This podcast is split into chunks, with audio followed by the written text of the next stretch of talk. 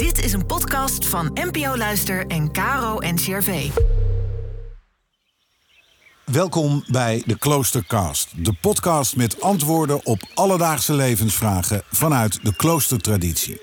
Inspiratie voor je dag.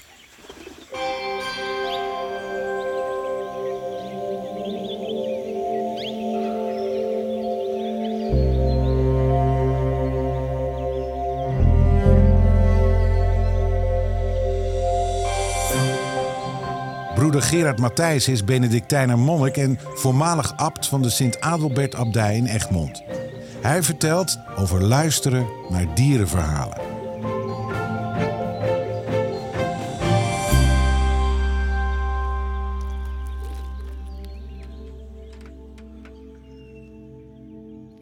De regel van Sint Benedictus schrijft voor dat tijdens de maaltijd in het klooster wordt voorgelezen en aandachtig geluisterd. Zo ben ik in de loop der jaren in contact gekomen met heel veel boeken die ik zelf misschien nooit ter hand zou nemen. Het biedt de mogelijkheid je horizon geweldig te verbreden. Je maakt kennis met werelden die normaal gesloten voor je blijven. In de tijd van Sint Benedictus werd natuurlijk voornamelijk voorgelezen uit de Heilige Schrift en de werken van kerkelijke auteurs.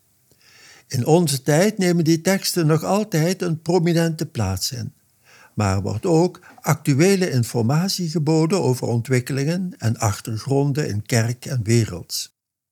Daarnaast is er plaats voor onderwerpen van algemene aard, op het gebied van geschiedenis en kunst, van literatuur en wetenschap. We luisteren ook altijd geboeid naar verhalen over het rijk van de dieren.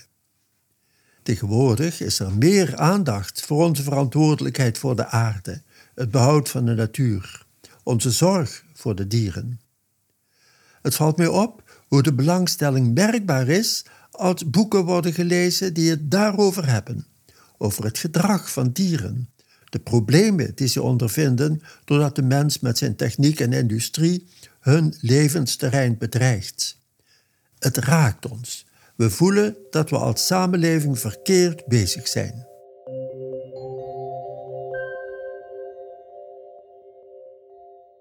Het gedrag van dieren fascineert ons en zien een onvoorstelbare rijkdom aan leven op onze aarde. Wat zijn mensen daarbij dikwijls meer spelbrekers dan medespelers, laat staan goede beheerders.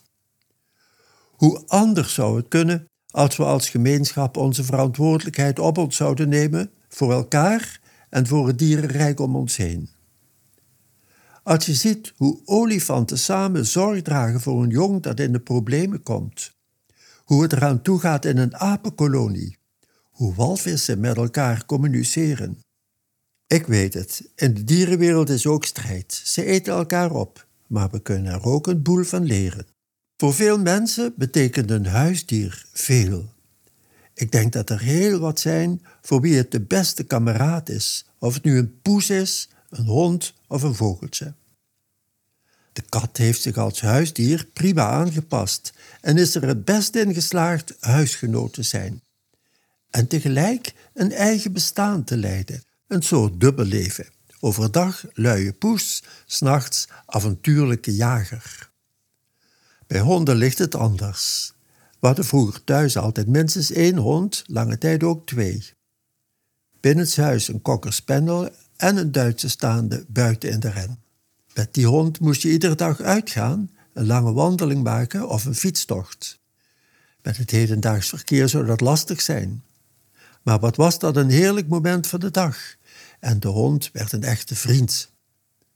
Ik zie nu heel veel mensen hun hond uitlaten puur voor de sanitaire behoeften.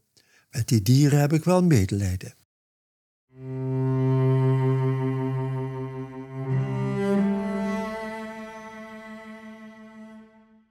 Alle dierenliefhebbers, maar misschien nog meer mensen die weinig hebben met de dierenwereld, kan ik niet genoeg aanraden zich te verdiepen in het leven van deze medebewoners van onze planeet. Als mensen zijn wij door onze huidige leefgewoonten, cultureel en sociaal en ook ethisch, van de natuur vervreemd en daardoor onszelf kwijt. Begiftigd met verstand als we toch zijn, zouden we boven het dierenrijk moeten staan. Onze gaven gebruiken om het leven te dienen en alles in goede banen te leiden. Maar onze moraal ligt aan puin. Wat mensen elkaar aandoen, dat zullen dieren nooit doen. We noemen het gedrag van mensen die over de schreef gaan wel beestachtig, maar beesten doen zoiets niet. Aandacht voor de natuur en voor de wondere wereld van de dieren kunnen ons bewust maken van onze verantwoordelijkheid. En als we daarnaar leven, bijdragen tot een beter en gelukkiger leven. Ik herinner me uit mijn jeugd een man die in de naoorlogse jaren hard moest werken om zijn groot gezin te onderhouden. Hij hield bijen en vond daarin zijn ontspanning. Het leven van een bijenvolk fascineerde hem.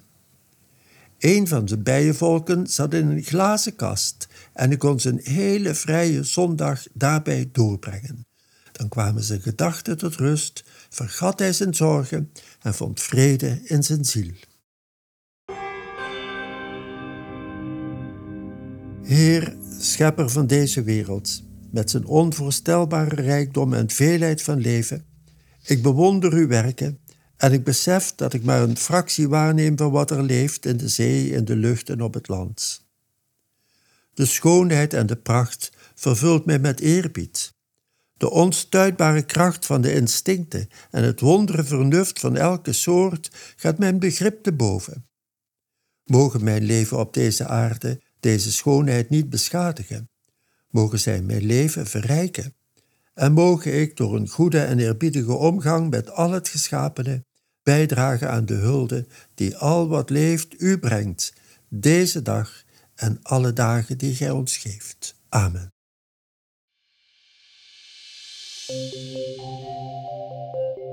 Morgen met Sinterklaas vertelt zuster Monica Razen over de schoonheid van het geven.